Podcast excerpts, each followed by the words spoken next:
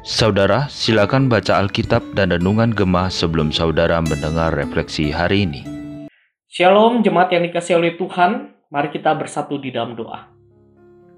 Bapa di dalam kajian surga, kami hendak bersyukur kepada Tuhan untuk hari baru yang Tuhan berikan di dalam kehidupan kami. Kami pun juga memohon kepada Tuhan kiranya di dalam hari yang baru ini, kami memulai dengan berdoa dan memohon agar firman Tuhan memberikan kami petunjuk.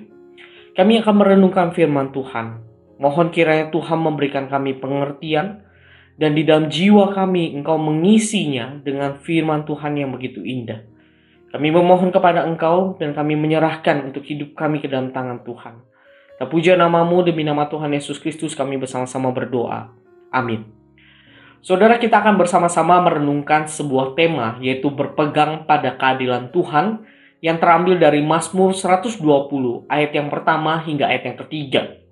Demikianlah firman Tuhan. Dalam kesesakanku aku berseru kepada Tuhan, dan ia menjawab aku.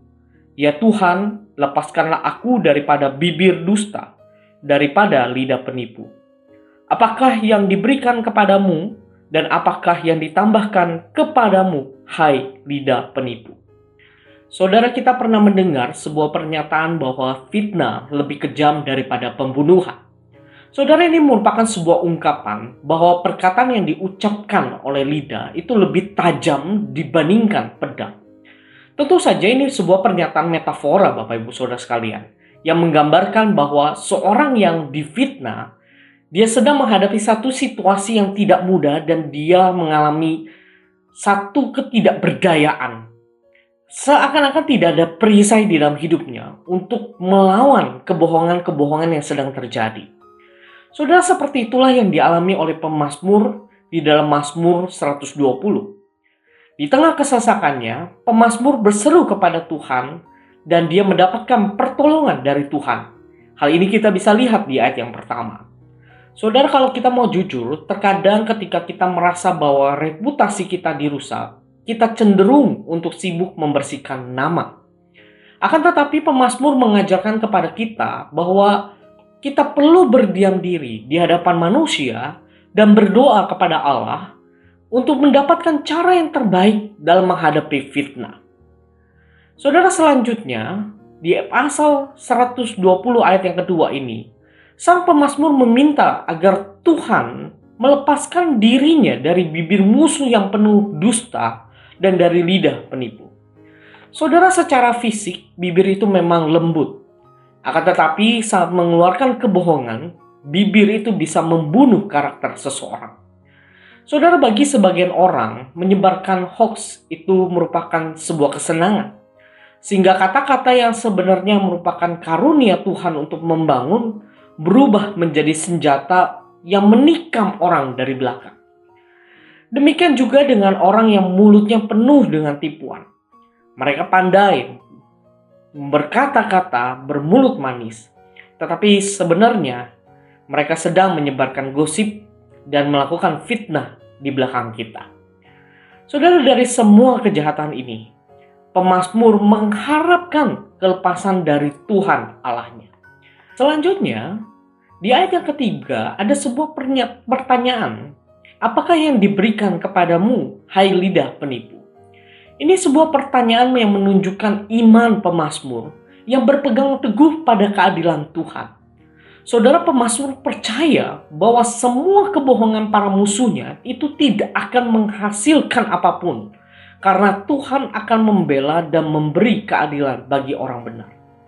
Pemazmur menyatakan bahwa di tengah semua kebohongan yang menghantamnya, ia tetap berpegang pada integritasnya dengan mempertahankan perdamaian. Hal ini kita bisa lihat di ayat yang ketujuh. Saudara dia tidak berusaha untuk membalas sakit hatinya terhadap musuhnya. Tetapi ia belajar untuk berserah sepenuhnya kepada Tuhan. Saudara bagaimana dengan kita?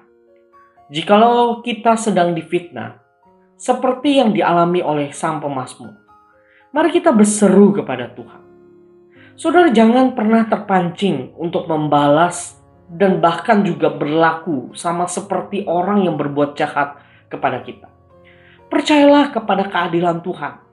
Meskipun memang betul orang yang memfitnah kita itu memang mempunyai niat yang buruk. Dan ketika kita difitnah, kita sedang menghadapi satu situasi yang tidak enak. Hati kita penuh dengan kegalauan. Bahkan mungkin kita cenderung untuk marah, emosi, dan sebagainya.